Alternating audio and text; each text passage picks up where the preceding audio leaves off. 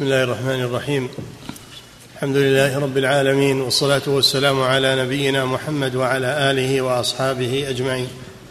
أما بعد قال الإمام الطحاوي رحمه الله ولا يصح الإيمان بالرؤية لأهل دار السلام لمن اعتبرها منهم بوهم أو تأولها بفهم إذ كان تأويل الرؤية وتأويل كل معنى يضاف إلى إلى إلى الرؤية ترك التأويل ولزوم التسليم وعليه دين المسلمين. ولم ومن لم يتوقى النفي والتشبيه زل ولم يصب التنزيه. بسم الله الرحمن الرحيم. الحمد لله رب العالمين. صلى الله وسلم على نبينا محمد وعلى آله وأصحابه أجمعين. كلام الإمام الطحاوي رحمه الله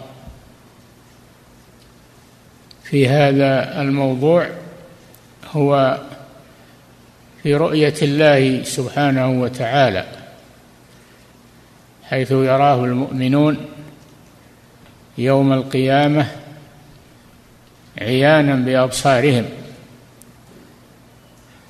قال النبي صلى الله عليه وسلم إنكم سترون ربكم كما ترون الشمس صحوا ليس دونها سحاب وكما ترون القمر ليلة البدر لا تضامون أو لا تضامون في رؤيته يرونه جميعا. يرونه جميعا. كما أنهم يرون الشمس جميعا كل في مكانه ولا يجتمعون في مكان أو يتزاحمون كل يراها في مكانه. إذا كان هذا في مخلوق وهو الشمس فكيف برؤية الله سبحانه وتعالى؟ وهذا من تمام نعيم أهل الجنة أنه يتجلى لهم ويرونه عيانا بأبصارهم ويسلم عليهم ويكلمهم ويكلمونه. فهذا من فضله عليهم وجزائهم حيث آمنوا به في الدنيا ولم يروه.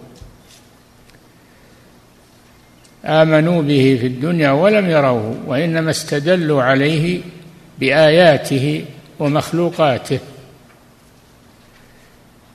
فجزاؤهم أنهم يرونه يوم القيامة عيانا بأبصارهم.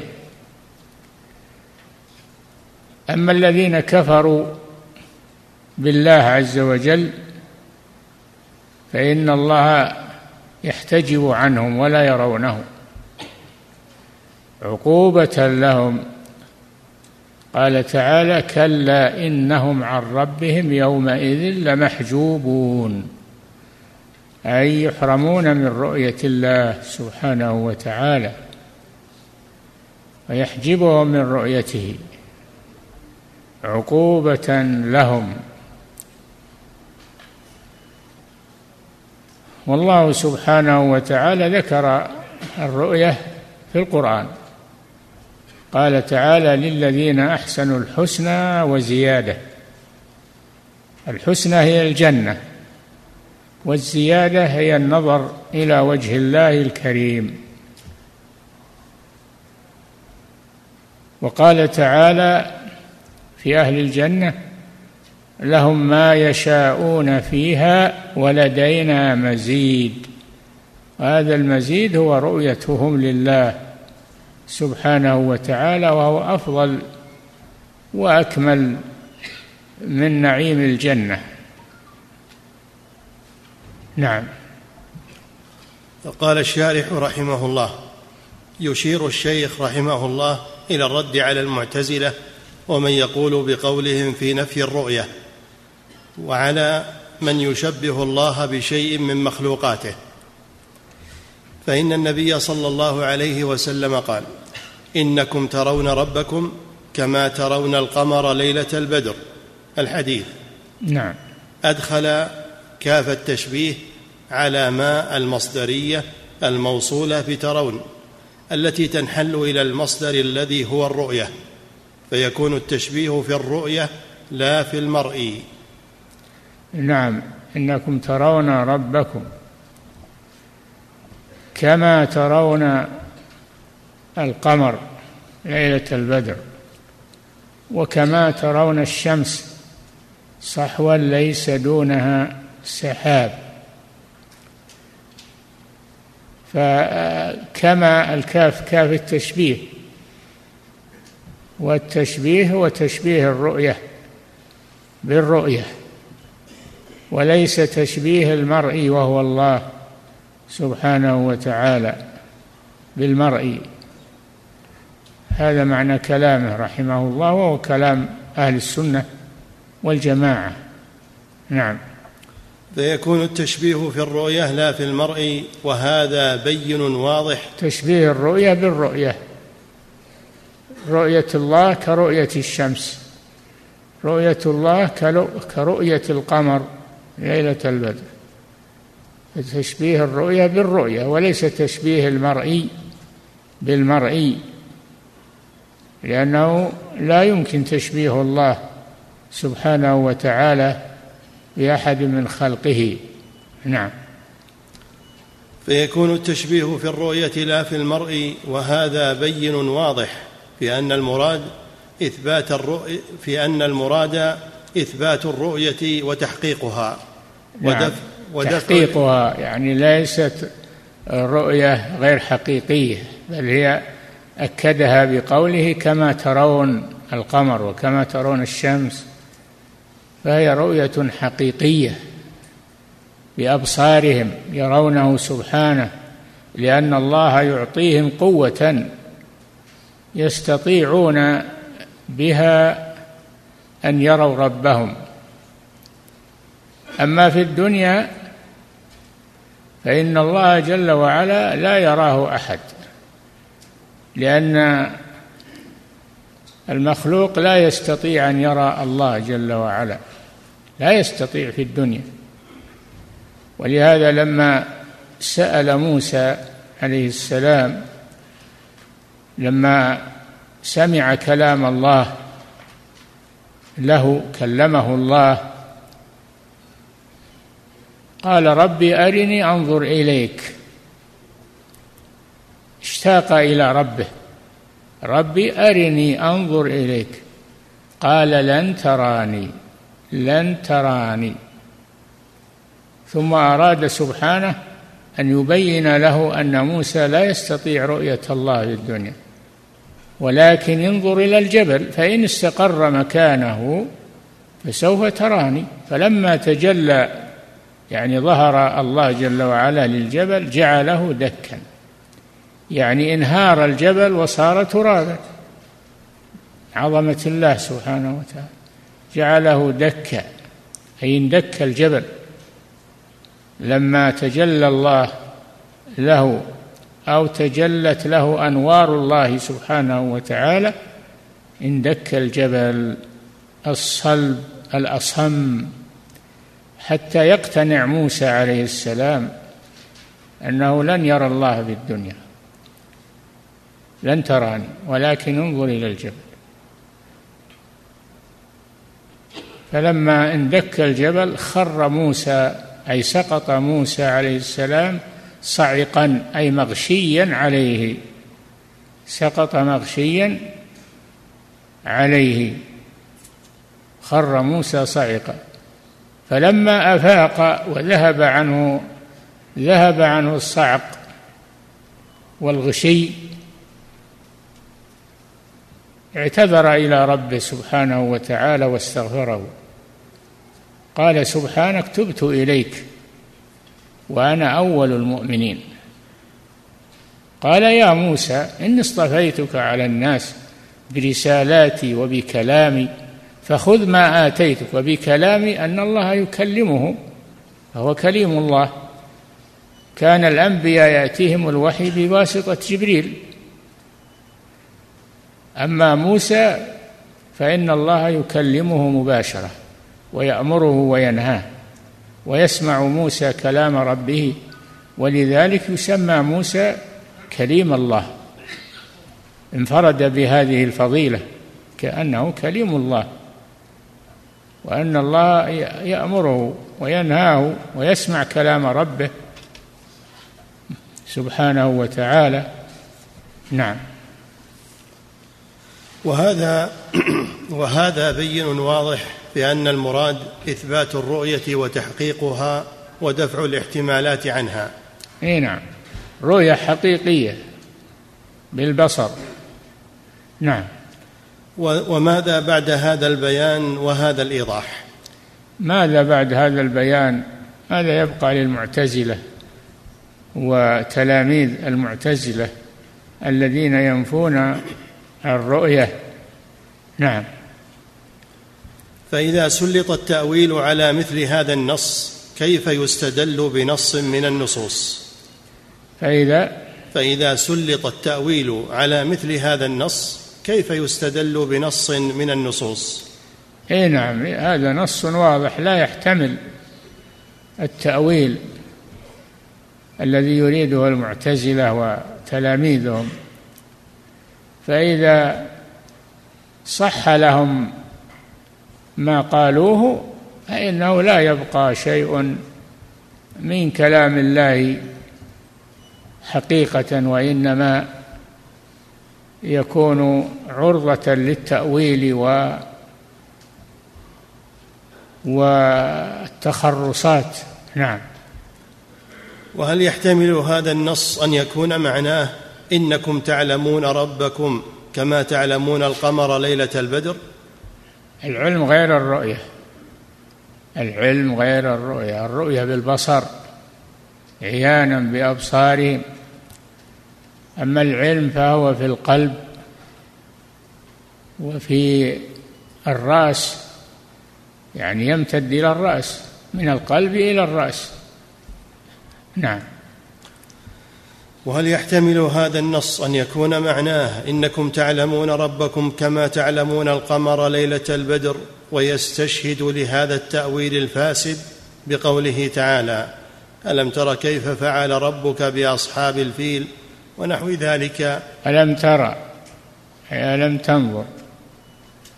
والنبي صلى الله عليه وسلم ما رأى ما رأى ما حصل لأصحاب الفيل بعينه. ما رأى ذلك بعينه حينما نزلت عليهم الحجارة وحينما غشيتهم الطير الأبابيل. محمد صلى الله عليه وسلم ما رأى ذلك. ومع ذلك قال له ألم ترى يعني ألم تعلم؟ فالرؤية هنا معناها العلم. ألم تعلم ما حصل لأصحاب الفيل؟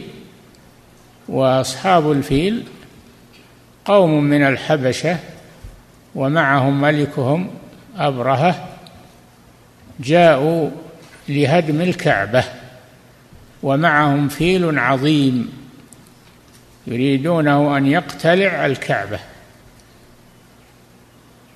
فالفيل برك. لما وصل إلى وادي المغمس عند مكة برك الفيل ولم يستطيعوا أن يحركوه. فإذا أقاموه ووجهوه إلى غير الكعبة هرول وإذا وجهوه إلى الكعبة برك لأن الله حبسه عن بيته. ألم ترى كيف فعل ربك؟ أي ألم تعلم؟ لأن الرسول لم يره بعينه.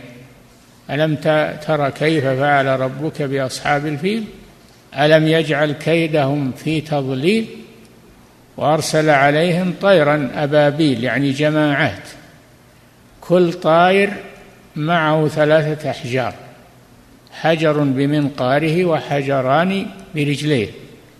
فلما توسطتهم أمطرت عليهم هذه الحجارة. فصار الحجر يقع على رأس الرجل ويخرج من دبره والعياذ بالله ينتظمه انتظاما. فهلكوا عن آخرهم. ألم تر كيف؟ يعني قد علمت ما فعل ربك بأصحاب الفيل؟ ألم يجعل كيدهم في تضليل؟ وأرسل عليهم طيرا أبابيل يعني جماعات جماعات. تحصبهم بالحجارة ترميهم بحجارة من سجيل من جهنم. حجارة ما هي من حجارة الدنيا بل من جهنم والعياذ بالله. حجارة من سجيل. فجعلهم كعصف مأكول.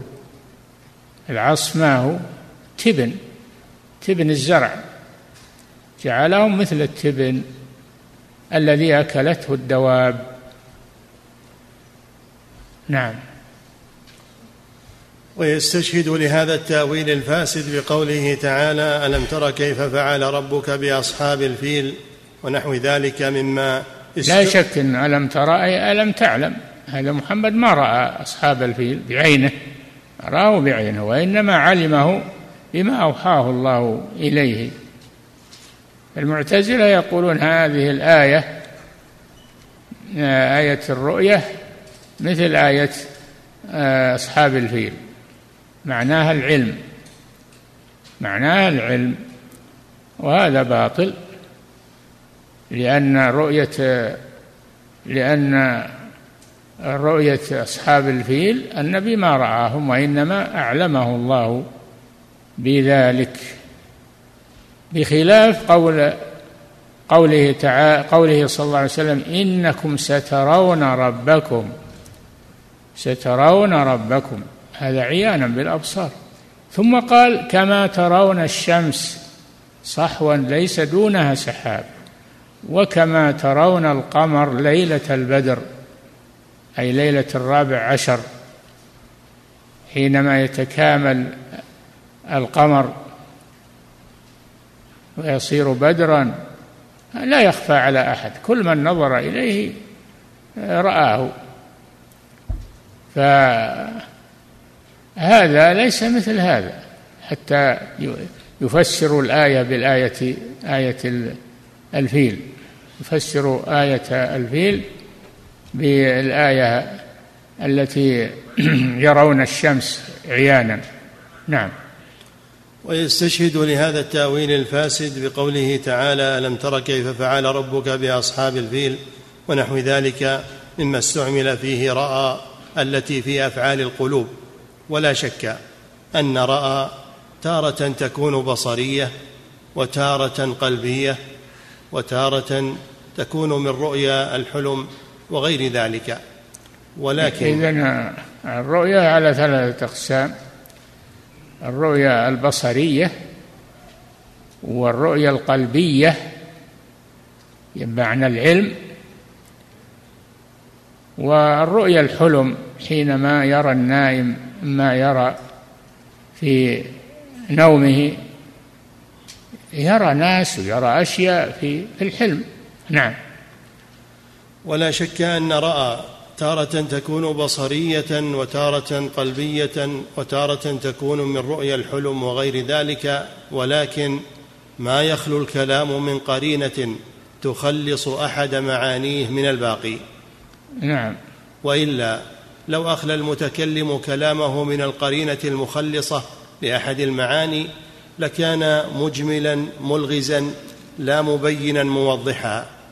وأي, نعم. وأي, بيان وقرينة فوق قوله ترون ربكم كما ترون الشمس في الظهيرة ليس دونها سحاب. هذا واضح. كما ترون الشمس في الظهيرة وهي على الرؤوس. ترونها وهي على رؤوسكم. لا تخفى الشمس في هذه الحالة على أحد له عينان. فكذلك رؤية المؤمنين لربهم. تكون حقيقية يرونه عيانا بأبصارهم إكراما لهم لما آمنوا به في الدنيا ولم يروه وإنما صدقوا رسله آمنوا به واستدلوا كذلك بمخلوقاته وآياته وهم لم يروه آمنوا به سبحانه وتعالى فجزاؤهم أن الله يتجلى لهم في الآخرة ويرونه عيانا ويتلذذون برؤيته يسلم عليهم ويكلمهم ويكلمونه ويزورونه. سبحانه وتعالى زيارة تكريم لهم. نعم. وأي بيان وقرينة فوق قوله ترون ربكم كما ترون الشمس في الظهيرة ليس دونها سحاب. فهل مثل هذا مما يتعلق برؤية البصر أو برؤية القلب؟ وهل هذا من تلبيسهم من تلبيس المعتزلة والجهمية. نعم. وهل يخفى مثل هذا إلا على من أعمى الله قلبه؟ نعم. فإن قالوا ألجأنا إلى هذا التأويل حكم العقل بأن رؤيته تعالى محال لا يتصور إمكانها. فالجواب أن هذا دعوى منكم خالفكم فيها أكثر العقلاء وليس في العقل ما يحيلها بل اي إيه نعم ليس في العقل ما يمنعها ما دام صحت بها الأدلة فالعقل يسلم يسلم للأدلة من الكتاب والسنة. نعم. وليس في العقل ما يحيلها بل لو عرض على العقل موجود قائم بنفسه لا يمكن رؤيته لا حكم بأن هذا محال. أي نعم. لكن الله موجود سبحانه وتعالى وتمكن رؤيته للمؤمنين يوم القيامة. نعم. وقوله لمن اعتبرها منهم بوهم أي توهم أن الله تعالى يرى على صفة كذا. فيتوهم تشبيها. نعم. ثم بعد هذا التوهم إن أثبت ما توهمه من الوصف فهو مشبه وإن نفى الرؤية من أصلها لأجل ذلك التوهم فهو جاحد معطل. إي نعم. وهذا شأن المعتزلة والجهمية معطلة آه، مشبهة. نعم. بل الواجب دفع ذلك الوهم وحده. ولا يعم بنفيه الحق والباطل فينفيهما ردا على من أثبت الباطل بل الواجب رد الباطل وإثبات الحق. نعم. وإلى هذا المعنى أشار الشيخ رحمه الله بقوله ومن لم يتوقى النفي والتشبيه زل ولم يصب التنزيه. الشيخ المراد به الطحاوي مؤلف هذا المتن. ومن وإلى هذا المعنى أشار الشيخ رحمه الله بقوله ومن لم يتوقى النفي والتشبيه زل ولم يصب التنزيه. أي نعم. التنزيه ليس معناه أننا ننفي ما صح وثبت في الوحي المنزل من الله عز وجل ننفيه لأجل أوهامنا وعقولنا. ما أنزله الله فوق العقل. لا يدركه العقل. نعم. فإن هؤلاء المعتزلة يزعمون أنهم ينزهون الله بهذا النفي. وهل يكون التنزيه؟ المعتزلة أتباع واصل بن عطاء الغزال. واصل بن عطاء الغزال كان من تلاميذ الحسن البصري رحمه الله إمام التابعين. فلما سئل الحسن البصري عن مسألة في العقيدة ووضحها وبينها خالفه تلميذه واصل بن عطاء واعتزله فسمي أتباعه بالمعتزلة لأن إمامهم واصل بن عطاء اعتزل مجلس الحسن البصري إمام التابعين رحمه الله. نعم. فإن هؤلاء المعتزلة يزعمون أنهم ينزهون الله بهذا النفي. وهل يكون التنزيه بنفي صفة الكمال؟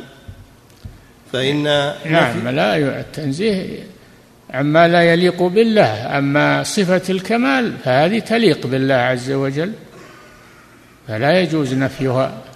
نعم. وهل يكون التنزيه بنفي صفة الكمال؟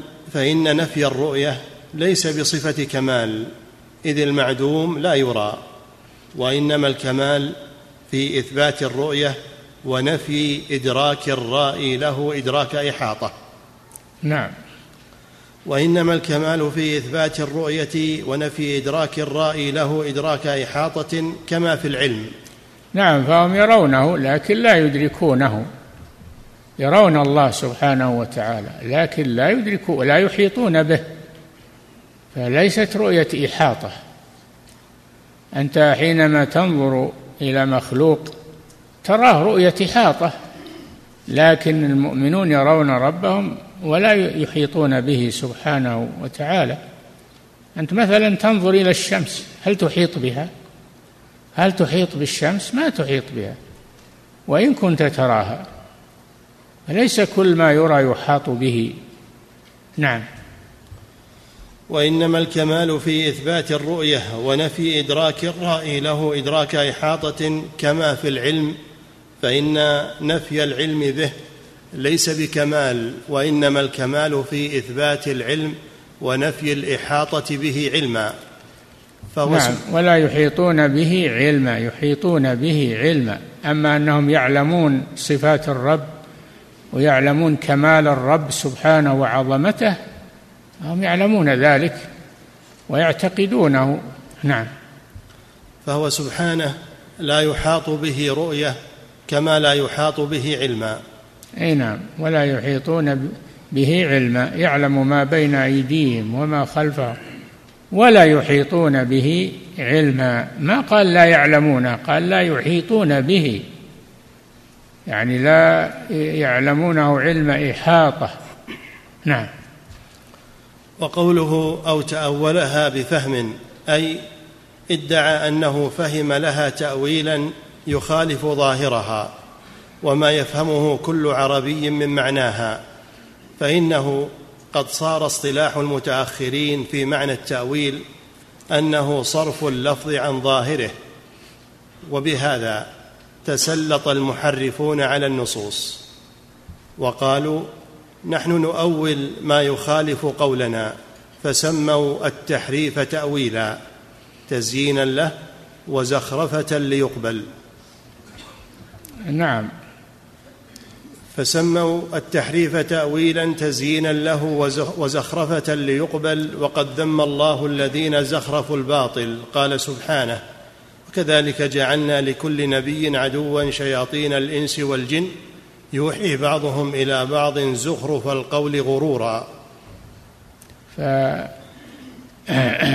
الباطل يتلقون عن الشياطين يتلقون زخرف القول الزخرف الشيء المزين وهو ليس على حقيقته يزين في الظاهر وفي الباطن ليس آه، هو آه، في ليس هو على ما على ما يظهر منه للأبصار. فهم يريدون بذلك أن يجعلوا رؤية الله مثل ما يكون عند المخلوقين إذا رأوا شيئا لا تدركه أبصارهم ولا تحيط به مثل الشمس مثل القمر ليلة البدر مثل نعم. وقد ذم الله الذين زخرفوا الباطل. قال تعالى وكذلك جعلنا لكل نبي عدوا شياطين الإنس والجن يوحي بعضهم إلى بعض.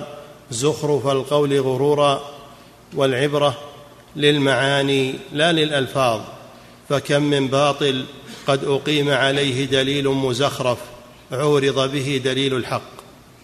أي نعم. زخرف القول غرورا من الشيطان. فتأويلاتهم للنصوص هذا من زخرف القول الذي أوحاه لهم شياطين الإنس والجن. وليس هو من عند الله سبحانه وتعالى ولا من عند رسوله. نعم.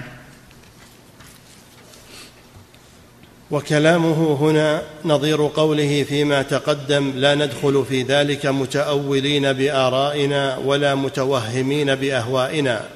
ثم أكد هذا المعنى بقوله إذ كان تأويل الرؤية وتأويل كل معنى يضاف إلى الربوبية ترك التأويل ولزوم التسليم وعليه دين المسلمين.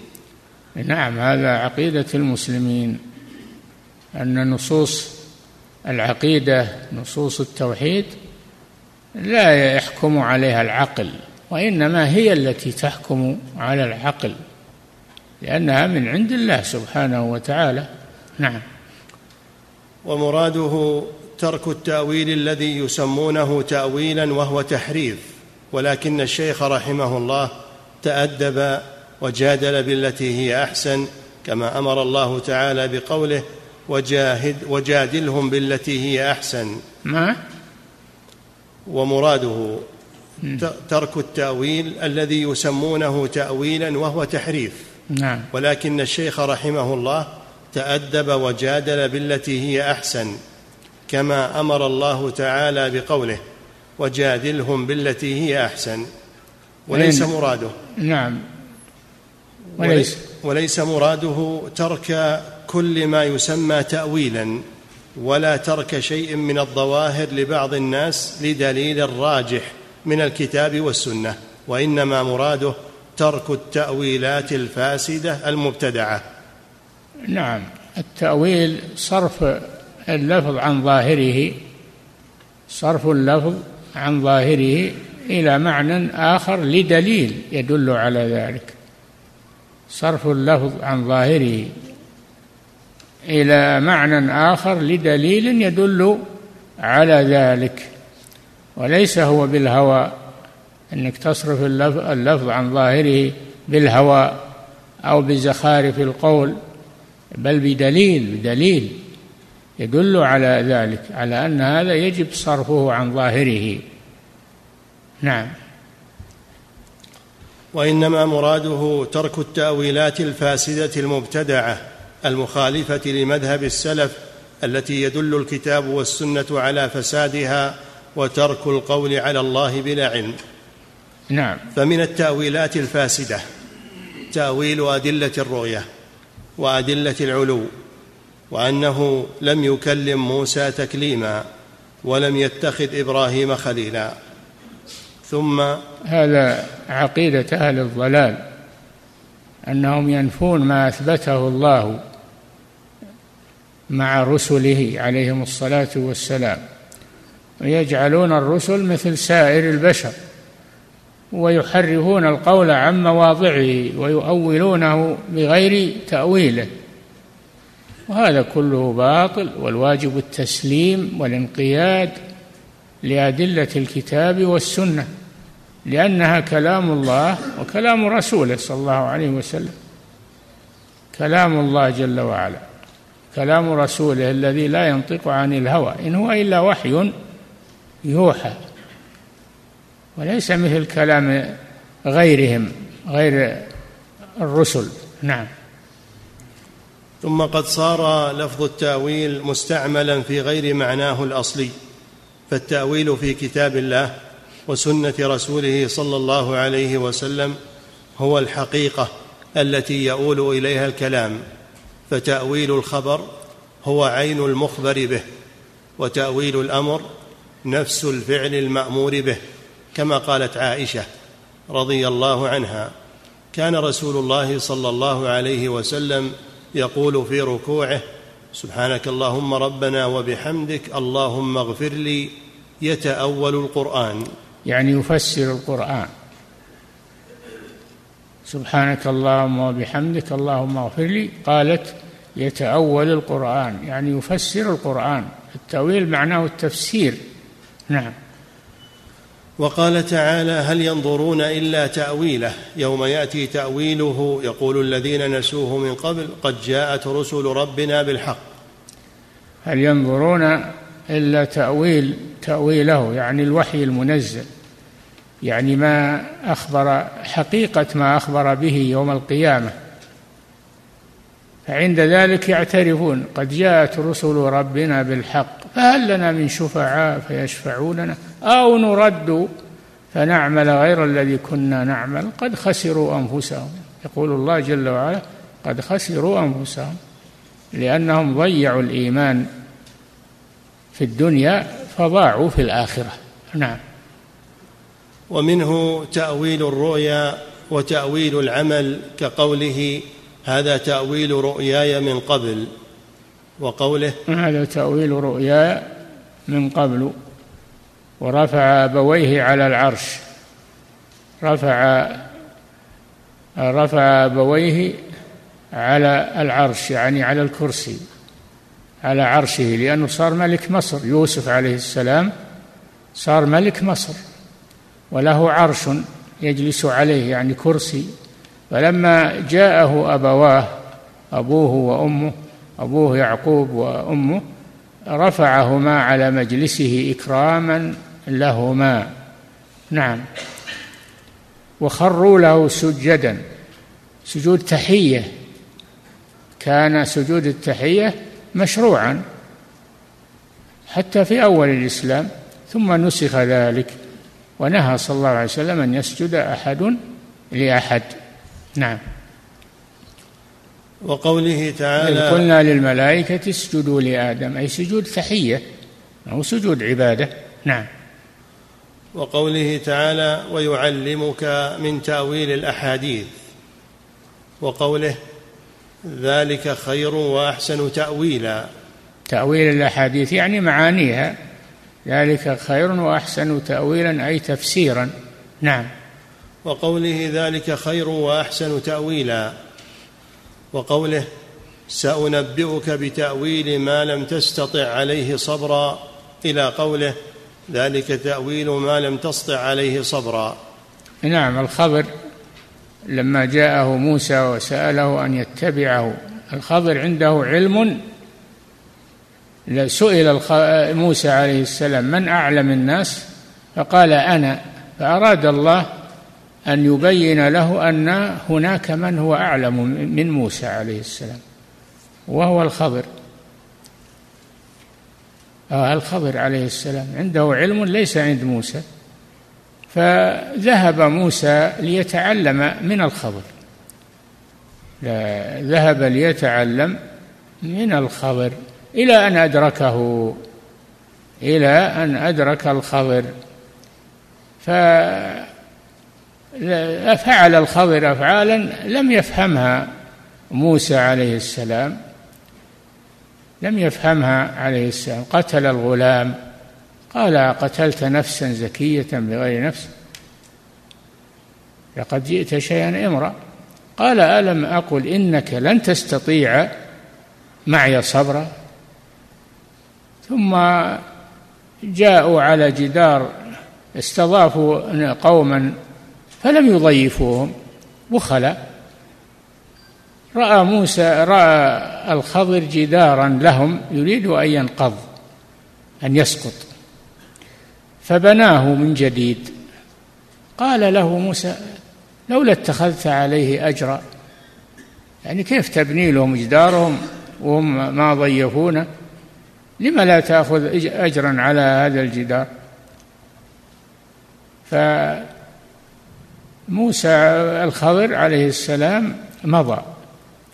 مضى إلى أن فسر هذه الأمور لموسى وبينها له. نعم. وقوله سأنبئك بتأويل ما لم تستطع عليه صبرا إلى قوله ذلك تأويل ما لم تستطع عليه صبرا. يعني تفسيره. تأويله يعني تفسيره. نعم.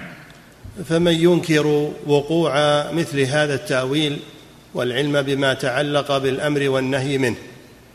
وأما ما كان خبرا كالإخبار عن الله واليوم الآخر فهذا قد لا يعلم تأويله الذي هو حقيقته. نعم. إذ كانت لا تعلم بمجرد الإخبار فإن المخبر إن لم يكن قد تصور المخبر به أو ما يعرفه قبل ذلك لم يعرف حقيقته التي هي تأويله. بمجرد الإخبار. وهذا هو التأويل الذي لا يعلمه إلا الله. لكن لا يلزم من نفي العلم بالتأويل نفي العلم بالمعنى الذي قصد المخاطب إفهام المخاطب إياه. نعم. فما في القرآن آية إلا وقد أمر الله بتدبرها. وما انزل فلم يدبروا القول؟ يعني تدبروا القرآن. كتاب أنزلناه إليك مبارك ليدبروا آياته. تدبروا كله ما استثنى شيء. تدبروا آياته ليعرفوا معانيها ويعملوا بها. نعم. فما من في القرآن فما في القرآن آية إلا وقد أمر الله بتدبرها وما أنزل آية إلا وهو يحب أن يعلم ما عنا بها وإن كان من تأويله ما لا يعلمه إلا الله.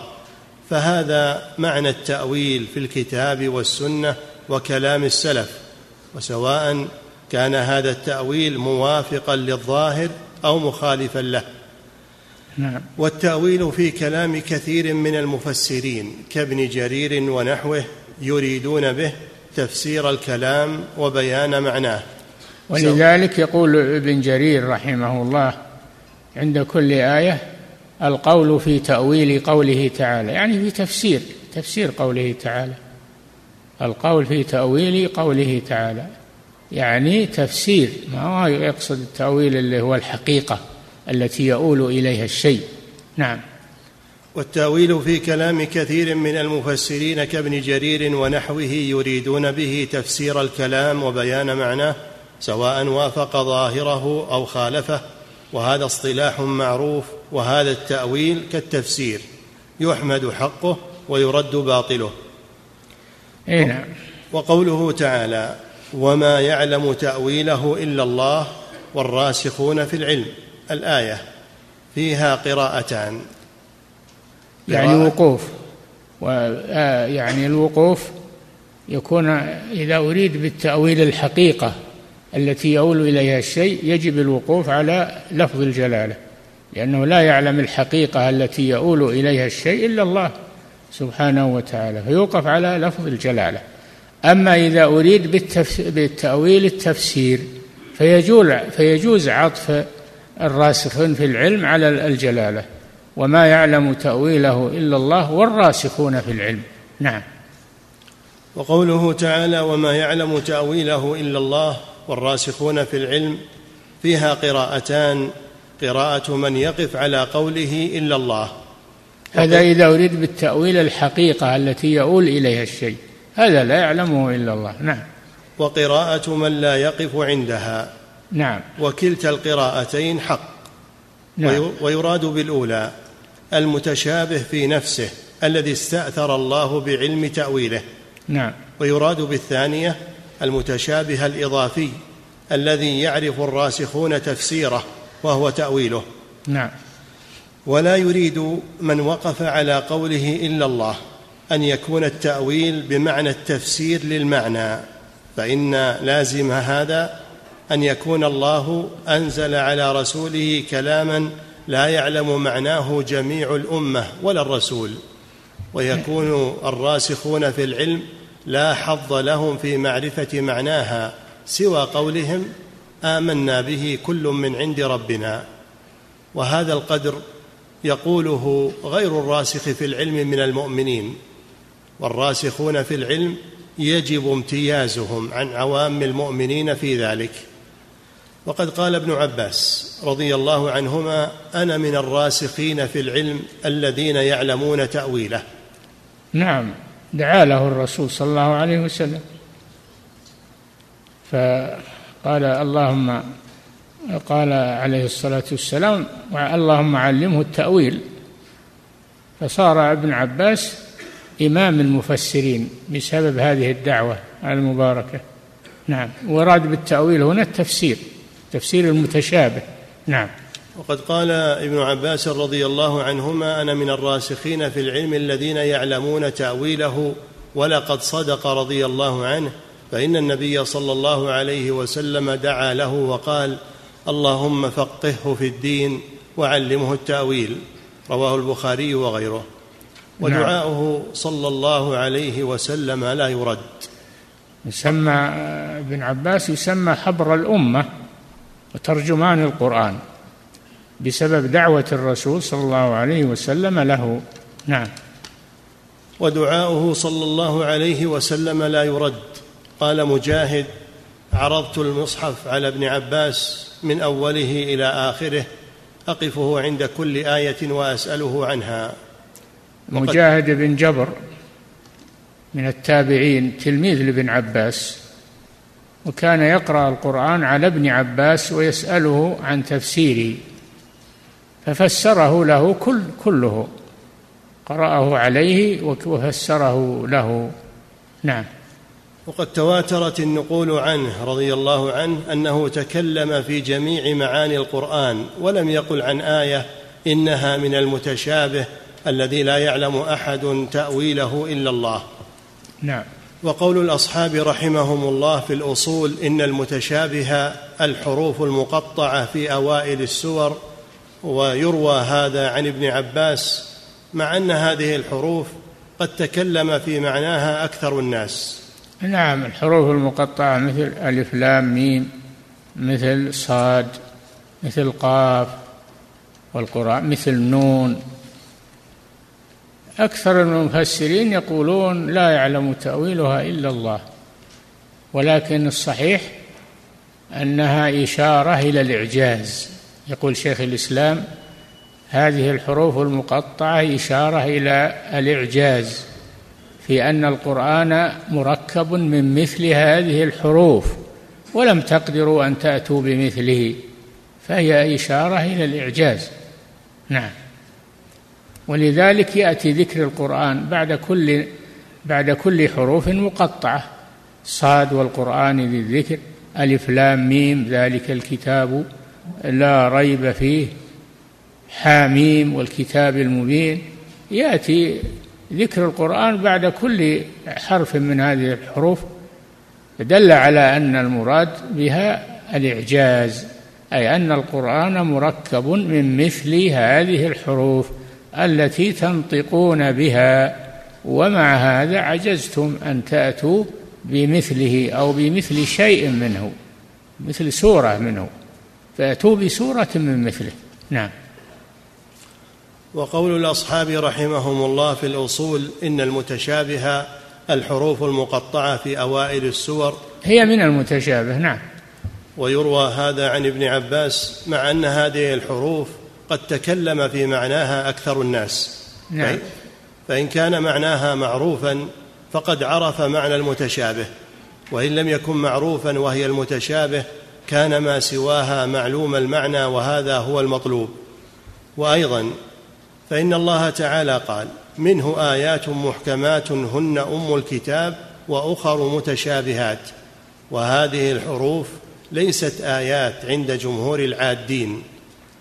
أي نعم الحروف ليس الحرف ليس آية وإنما هو جزء من آية. نعم. والتأويل والتأويل في كلام المتأخرين من يكفي الفقهاء يكفي, يكفي نقف عند هذا. نعم.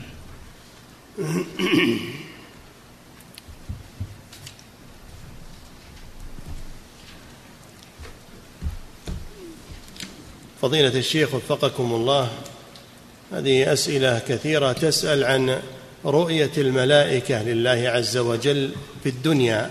هل هذا أمر ثابت؟ وهل ورد فيه شيء؟ لا أعلم شيئا من هذا.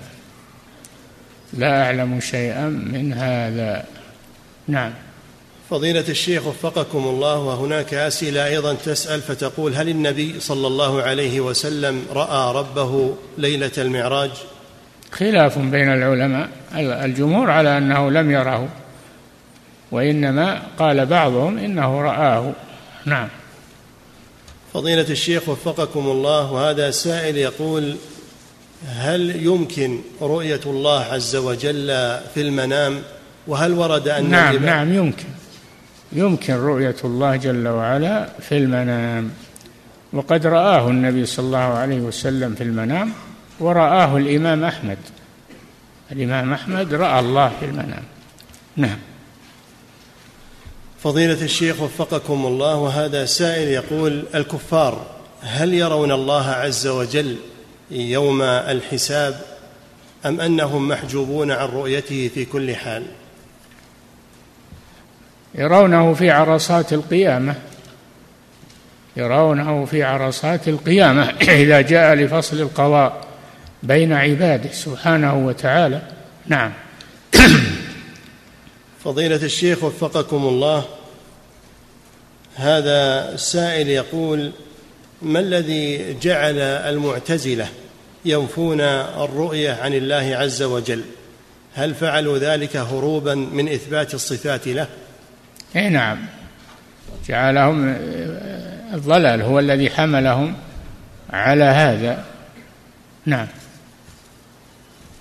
فضيلة الشيخ وفقكم الله هذا سائل يقول هل هناك فرق بين الرؤية والإحاطة؟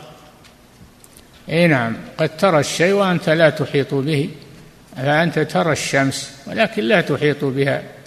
حدودها و ترى الشيء ولكن ما هو لازم إنك تحيط به. نعم. يرون الله ولا يحيطون به سبحانه وتعالى. نعم. فضيلة الشيخ وفقكم الله هذا سائل يقول في قول الله عز وجل لا تدركه الأبصار هل في هذا دليل على إثبات الرؤية مع أنه نفي؟ لا تدركه الأبصار يعني لا تحيط به. الإدراك معناه هنا الإحاطة به لا لا تحيط به وإن رأته فهي لا تحيط به. نعم. ولا يحيطون به علما. نعم. فضيلة الشيخ وفقكم الله هذا سائل يقول الخضر هل هو نبي من الأنبياء أم رجل صالح؟ رجل صالح لكن الله آتاه علما آتاه علما خصه به. نعم. فضيلة الشيخ وفقكم الله وهذا سائل أيضا يقول هل يمكن أن يقال بأن الخضر أعلم من موسى عليه السلام مطلقا؟ لا ما هو مطلقا في بعض الأشياء. نعم. فضيلة الشيخ وفقكم الله هذا سائل يقول إذا خر الرجل ليسلم على أقدام والديه ويقبلهما هل يعتبر هذا من السجود؟ لا ما هو من السجود. ما هو من السجود؟ نعم. فضيلة الشيخ وفقكم الله هذا سائل يقول هل يصح لي أن أتعلم علم الفقه على شيخ عقيدته أشعرية وأنا في بلدي خارج هذه البلاد؟ يا أخي لا تتعلم على شيخ معتزلي ولا شيخ في عقيدته خلل بإمكانك أن تسافر إلى العلماء واليوم تيسرت وسائل السفر الحمد لله وتتعلم وترجع إلى بلادك ولو ولو أيام معدودة أو شهر أو آه، تسافر. وسائل النقل متيسرة وسريعة ولله الحمد. بإمكانك تتصل بالتلفون وتسأل نعم. فضيلة الشيخ وفقكم الله هذا سائل يقول في ديارنا هناك من يعتقد أن الحكة التي تصيبه في يده اليسرى دلالة على أن أحدهم يذكره بسوء وإن كانت في يمناه فإنها دلالة على أن أحدا ذكره بالخير. يقول ما حكم هذا الاعتقاد حيث إنه هذه خرافة هذه خرافة ليس لها أصل. لا يقولون الإذن الإذن اذا طنت يعني هذا دليل إن اليمنى ذكره بخير واليسرى إنه مذكور بشر. ولكن كل هذه خرافات نعم. فضيلة الشيخ وفقكم الله هذه امرأة تسأل فتقول إن عندها خادمة تحت كفالتها وقد هربت قبل انتهاء مدة العمل ولها عندها مجموعة من الرواتب. ماذا تصنع بها؟ تكتبها عندها باسمها وإذا جاءت تدفعها له وإن لم تأتي ويائست منها تتصدق بها. نعم. فضيلة الشيخ وفقكم الله هذا سائل يقول هل يجوز لعن الكافر بعينه؟ نعم. هل يجوز لعن الكافر بعينه؟ الخلاف بين العلماء لأنه قد يهديه الله قد يتوب. نعم. فضيلة الشيخ وفقكم الله هذا سائل يقول هل يجوز التحدث بالهاتف مع النساء الأجنبيات لأجل الحاجة؟ وهذه الحاجة ذكر أنها النصائح الدينية أو الأعمال أو غير ذلك؟ لا بأس بذلك. حتى بدون الهاتف له أن يكلم المرأة وتكلمه في أمور مباحة أو أمور شرعية تسأله يفتيها. نعم. فضيلة الشيخ وفقكم الله هذا سائل يقول رجل ابن رجل رجل ابنته متزوجة وهي فقيرة فهل له أن يعطيها من الزكاة؟ لا. لا تحل زكاة الوالد لولده ولا العكس ولا زكاة الولد لوالده وإنما تعطيها من غير الزكاة من مالها. نعم.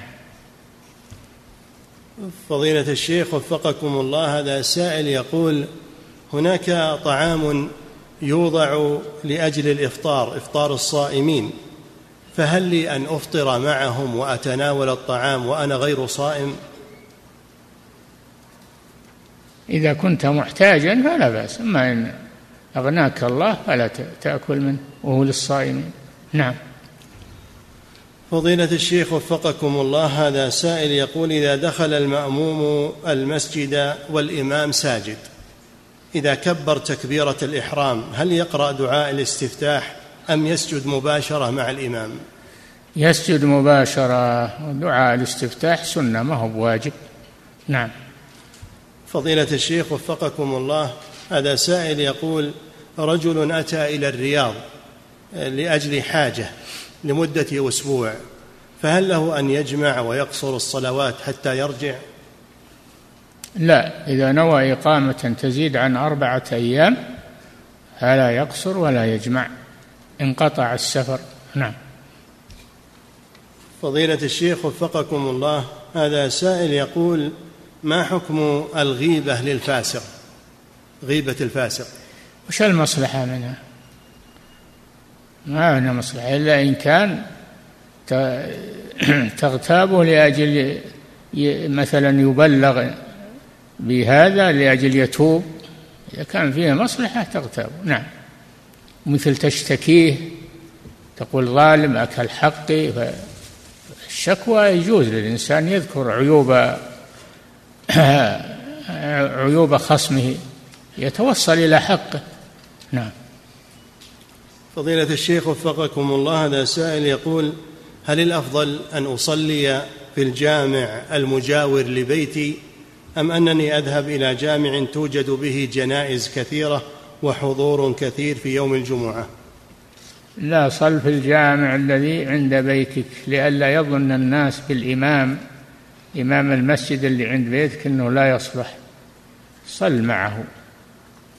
والجنائز ما هو لازم تروح لها. نعم. فضيلة الشيخ وفقكم الله هذا سائل يقول الصيام والعمرة في شهر رجب هل لها فضل؟ لا أصل لا أصل لها وليس في رجب أي شيء مشروع دون غيره. هو كسائر الشهور لا يخص بشيء. نعم. فضيلة الشيخ وفقكم الله هذا سائل يقول رجل ظلم آخر ثم تاب من ذلك هل من واجب التوبة أن يتحلل منه؟ إي نعم.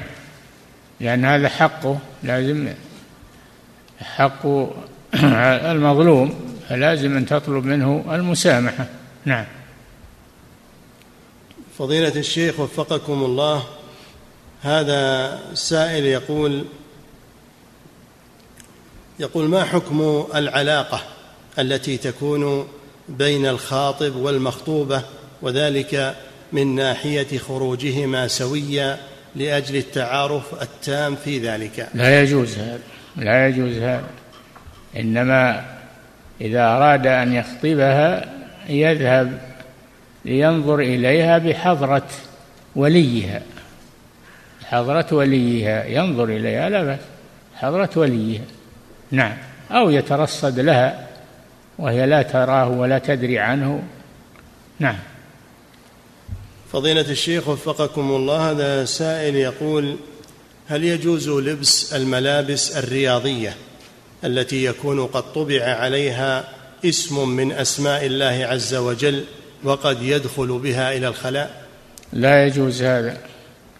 لا يجوز كتابة اسم الله على الملابس التي يمتهنها الإنسان وينام عليها ويدخل فيها بها الخلاء. ما يجوز هذا. نعم. فضيلة الشيخ وفقكم الله هذا سائل يقول كبائر الذنوب. هل لا بد لها من توبة أم أنها تكفرها الأعمال الصالحة؟ لا بد لها من توبة. إن الله لا يغفر أن يشرك به ويغفر ما دون ذلك آه، لمن يشاء. فالكبائر والصغائر التي دون الشرك قد يغفرها الله سبحانه وتعالى. نعم. فضيلة الشيخ وفقكم الله هذه امرأة تسأل فتقول امرأة الله جل وعلا يقول إن تجتنبوا كبائر ما تنهون عنه نكفر عنكم سيئاتكم. الكبيرة لا تكفر إلا بالتوبة أما الصغائر يغفرها الله سبحانه وتعالى. نعم. فضيلة الشيخ وفقكم الله هذه امرأة تسأل فتقول امرأة لها أسبوع قد انتهت من الحيض وطهرت والآن رجع لها مرة أخرى. فهل يعتبر فهل يعتبر استحاضة أم أنه حيض؟ إذا كانت عادتها تمت ثم اغتسلت ثم جاءها شيء من الدم فهو دم فساد وليس دم حيض. نعم. فضيلة الشيخ وفقكم الله وهذه امرأة أفطرت في رمضان لأنها كانت مرضعة لطفلها. وبعد ذلك الآن تقول قد حملت ولم تستطع القضاء. هل عليها كفارة لو أدركت رمضان الآخر؟ لا. تقضي بعد رمضان الآخر وليس عليها شيء لأن هذا مع عذر هذا عذر لها. أنها حملت عذر لها فعليها القضاء فقط ولو تأخر. نعم. فضيلة الشيخ وفقكم الله هذا سائل يقول من ترك الصلاة تهاونا وليس جحدا لوجوبها فهل يعد كافرا بذلك؟ أي نعم. من تركها تهاونا فإنه يكفر بذلك. أما إذا جحد وجوبها هذا ما في إشكال أنه يكفر. نعم. فضيلة الشيخ وفقكم الله هذا سائل يقول هل صحيح العهد الذي بيننا وبينهم الصلاة فمن تركها فقد كفر. تركها ولم يقل تهاونا. نعم. مجرد الترك. نعم. فضيلة الشيخ وفقكم الله هذا سائل يقول هل صحيح أن هذه العبارة ينكر قائلها وهي أنا مؤمن إن شاء الله؟ هل خلاف بين العلماء؟ يقولون أن قصد عدم تزكية نفسه لا يزكي نفسه. هذا آه هذه حجة الذين يجيزون والذين يمنعون. يقولون لأن إن شاء الله تدل على الشك فلا يقول نعم. فضيلة الشيخ وفقكم الله هذا سائل يقول تدخل مجموعة من النساء إلى هذا المسجد وإلى غيره من المساجد لحضور الدرس لكن لا ينزعن نقابهن طوال فترة الدرس ويصلين كذلك بالنقاب مع أن المكان كله نساء.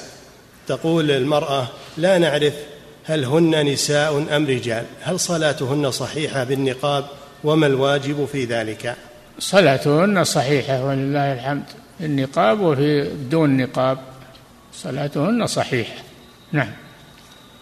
فضيلة الشيخ وفقكم الله هذا سائل يقول لدي أخ لزوجتي لا يحافظ على الصلاة في وقتها ولا مع الجماعة. هل يجب علي؟ يقول لدي أخ لزوجتي لا يحافظ على الصلاة في وقتها ولا يصلي مع الجماعة. هل يجب علي هجره؟ وهل يجب علي أن أخرجه من منزلي؟ نعم. تنصحه فإن امتثل وصلى مع الجماعة فالحمد لله. وإن لم ينتصح ولم يقبل فأخرجه من منزلك. نعم. فضيلة الشيخ وفقكم الله هذا سائل يقول هل كل إسبال للثياب يعد محرما؟ إي نعم إذا تركه فهو محرم وإذا نزل وهو ما درى ارفعه فلا فلا إثم عليه. نعم. فضيلة الشيخ وفقكم الله هذه امرأة تسأل تقول هل يجوز للمرأة إزالة شيء من شعر حواجبها إذا كان شيئا زائدا وفيه تشويه؟ نعم إذا كان مشوها وتتأذى به فلا بأس بإزالته. نعم. فضيلة الشيخ وفقكم الله هذا سائل يقول إذا وقع على الثوب بول أكرمكم الله وقد جف هذا البول فهل يطهر بجفافه؟ لا ما يطهر بجفافه هذا كالأرض الأرض اللي تطهر بالشمس والريح على قول أما الثوب فلا بد من غسله نعم. فضيلة الشيخ وفقكم الله. هذا سائل يقول من تحصل على أموال ربوية ثم تاب من ذلك فما كيفية الخلاص منها؟ يضعها في مشاريع خيرية. يضعها في مشاريع خيرية. تخلص منها. نعم. فضيلة الشيخ وفقكم الله هذا سائل يقول بعض من الأئمة والمؤذنين آه، يوكلون غيرهم كثيرا ويعطونهم شيئا من المكافأة وعندما ننصحهم يقولون هذه مكافأة من ولي الأمر ليست على هذا العمل. فهل فعلهم هذا جائز؟ وهل قولهم صحيح؟ لا ما هو جائز ولا قولهم صحيح. هذه أمانة في ذممهم. عليهم أن يقوموا بها أو يتركوها لغيرهم. إما أنه يلتزم بإمامة المسجد وإما أنه يتركها لغيره ولا يأخذ مكافأة الإمام ولا يتخلف عن الصلاة بكثرة. نعم. فضيلة الشيخ وفقكم الله هذا سائل يقول إذا خرج المني عن طريق الاحتلام فهل هو موجب للغسل؟ اي نعم. الاحتلام يوجب الغسل. إذا نزل منه قال صلى الله عليه وسلم الماء من الماء. أي أنه إذا خرج منه مني بالاحتلام فإنه يجب عليه أن يستعمل الماء بالاغتسال. نعم. فضيلة الشيخ وفقكم الله هذه امرأة تسأل فتقول هل يجب على المرأة نقض شعرها عند اغتسالها من الحيض وعند اغتسالها من الجنابة؟ عند اغتسالها من الجنابة لا. ما يجب عليها. يشق عليها ذلك. أما عند اغتسالها من الحيض أو النفاس فإنها تنقضه. نعم. فضيلة الشيخ وفقكم الله هذا سائل يقول بعد النداء الثاني من يوم الجمعة يحرم البيع والشراء. بالنسبة حفظكم الله يقول لشراء السواك هل يكون محرما كذلك بعد النداء الثاني؟ نعم النهي عام وذروا البيع. إذا نودي للصلاة من يوم الجمعة فاسعوا إلى ذكر الله وذروا البيع. السواك وغيره نعم. فضيلة الشيخ وفقكم الله هذا سائل يقول صلاة تحية المسجد هل هي واجبة؟ لا تحية المسجد سنة ليست واجبة. نعم. فضيلة الشيخ وفقكم الله هذا سائل يقول ما حكم المتاجرة بالعمولات في بيعها وشرائها؟ لا بأس بذلك هذا يسمى الصرف لا بد من التقابض في المجلس. تقابض في المجلس. بيع العملات لازم من التقابض. نعم. فضيلة الشيخ وفقكم الله هذا سائل يقول إذا دخلت أثناء خطبة الجمعة فهل أصلي تحية المسجد أم أجلس مباشرة للسماع؟ صل تحية المسجد وخففها. لا تجلس إلا مؤدم تحية المسجد لكن تخففها. نعم. وهذا سائل يقول فضيلة الشيخ وفقكم الله بالنسبة لخطبة الجمعة هل يجوز أن تكون بغير اللغة العربية إذا كان من أمامي لا يعرفون العربية؟ نعم يجوز أن تفهمهم بلسانهم الذي يفهمونه. نعم. فضيلة الشيخ وفقكم الله هذه امرأة تسأل فتقول إنها طالبة وعندهم دكتورة تدرسهم وقالت بأن القرآن الصحيح أن فيه مجازا وأن هذا هو القول الراجح. فهل هذا قول صحيح؟ لا ما هو صحيح. ما هو صحيح؟ القرآن ليس فيه مجاز بل هو حقيقة. كله حقيقة وليس فيه مجاز. نعم. فضيلة الشيخ وفقكم الله هذا سائل يقول من ترك التسمية في الوضوء فهل تجب عليه إعادة الوضوء؟ ها؟ من لا ترك تسقط. تسقط مع النسيان. تسقط التسمية مع النسيان. نعم. فضيلة الشيخ وفقكم الله هذا سائل يقول من أصيب بسلس البول فكيف يتطهر؟ إذا أراد أن يصلي يتوضأ ويصلي ولو ولو نزل عليه البول. لكن ما ما يتوضأ إلا عند الصلاة. نعم. فضيلة الشيخ وفقكم الله هذا سائل يقول من ترك صلاة واحدة متعمدا بدون عذر ولم يتب من ذلك فهل يحكم عليه بالكفر ولو عاد إلى الصلاة؟ إي نعم. من ترك صلاة واحدة متعمدا يحكم عليه بالكفر إذا لم يتب يقضيها نعم. فضيلة الشيخ وفقكم الله هذا سائل يقول أفطرت عدة أيام من رمضان يقول بدون عذر ثم تبت إلى الله فهل يجب علي القضاء؟ بلا شك يجب عليك القضاء والمبادرة بذلك. نعم. فضيلة الشيخ وفقكم الله وهذا سائل يقول ما حكم قراءة القرآن على الميت؟ لا يجوز هذا. ما يقرأ القرآن على الميت. القرآن يقرأ على الأحياء لينذر من كان حيا ويحق القول على الكافرين. ولا يستفيد الميت من قراءة القرآن عنده. نعم. كذلك حفظك الله يسأل ويقول ما حكم أيضا وضع المصحف على بطنه على بطن الميت. لا يجوز هذه إهانة للمصحف. نعم. فضيلة الشيخ وفقكم الله هذا سائل يقول الجمعة هل لها عدد؟ هل لا بد من اثني عشر رجلا لحضورها وإقامتها؟ خلاف طويل ولكن الصحيح أنها تنعقد بما تنعقد به الجماعة يعني بإثنين مع الإمام. اثنين مع الإمام. لأن عقل الجمع اثنان. نعم. فضيلة الشيخ وفقكم الله هذا سائل يقول هل يجوز صيام يوم الجمعة ضمن صيام أيام البيض؟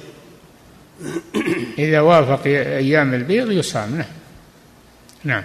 فضيلة الشيخ وفقكم الله هذا سائل يقول ما حكم رفع اليدين للدعاء بعد السلام من الصلاة؟ لا أصل له. ملازمة هذا دائما لا أصل له.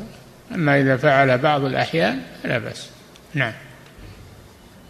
فضيلة الشيخ وفقكم الله هذا سائل يقول من فاتته عدد من الصلوات فهل لا بد أن يقضيها مرتبة؟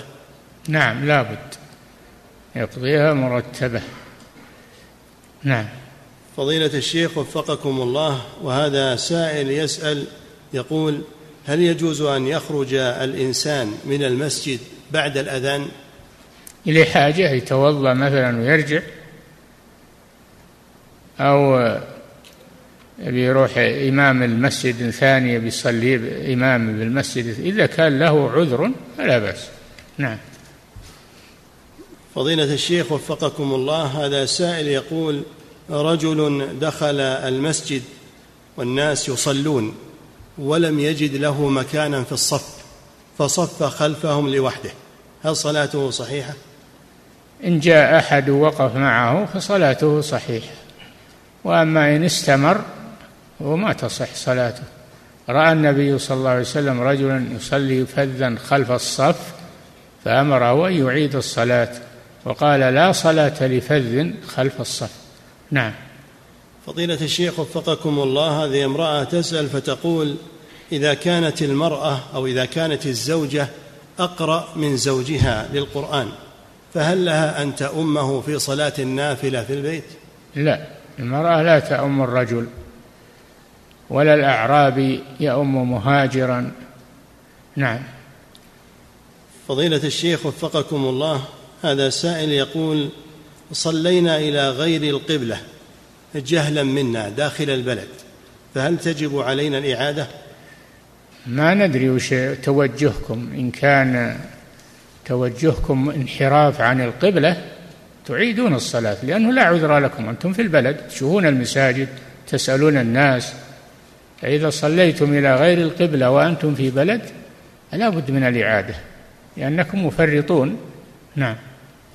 انتهى وفقك الله تعالى أعلم وصلى الله وسلم على نبينا محمد.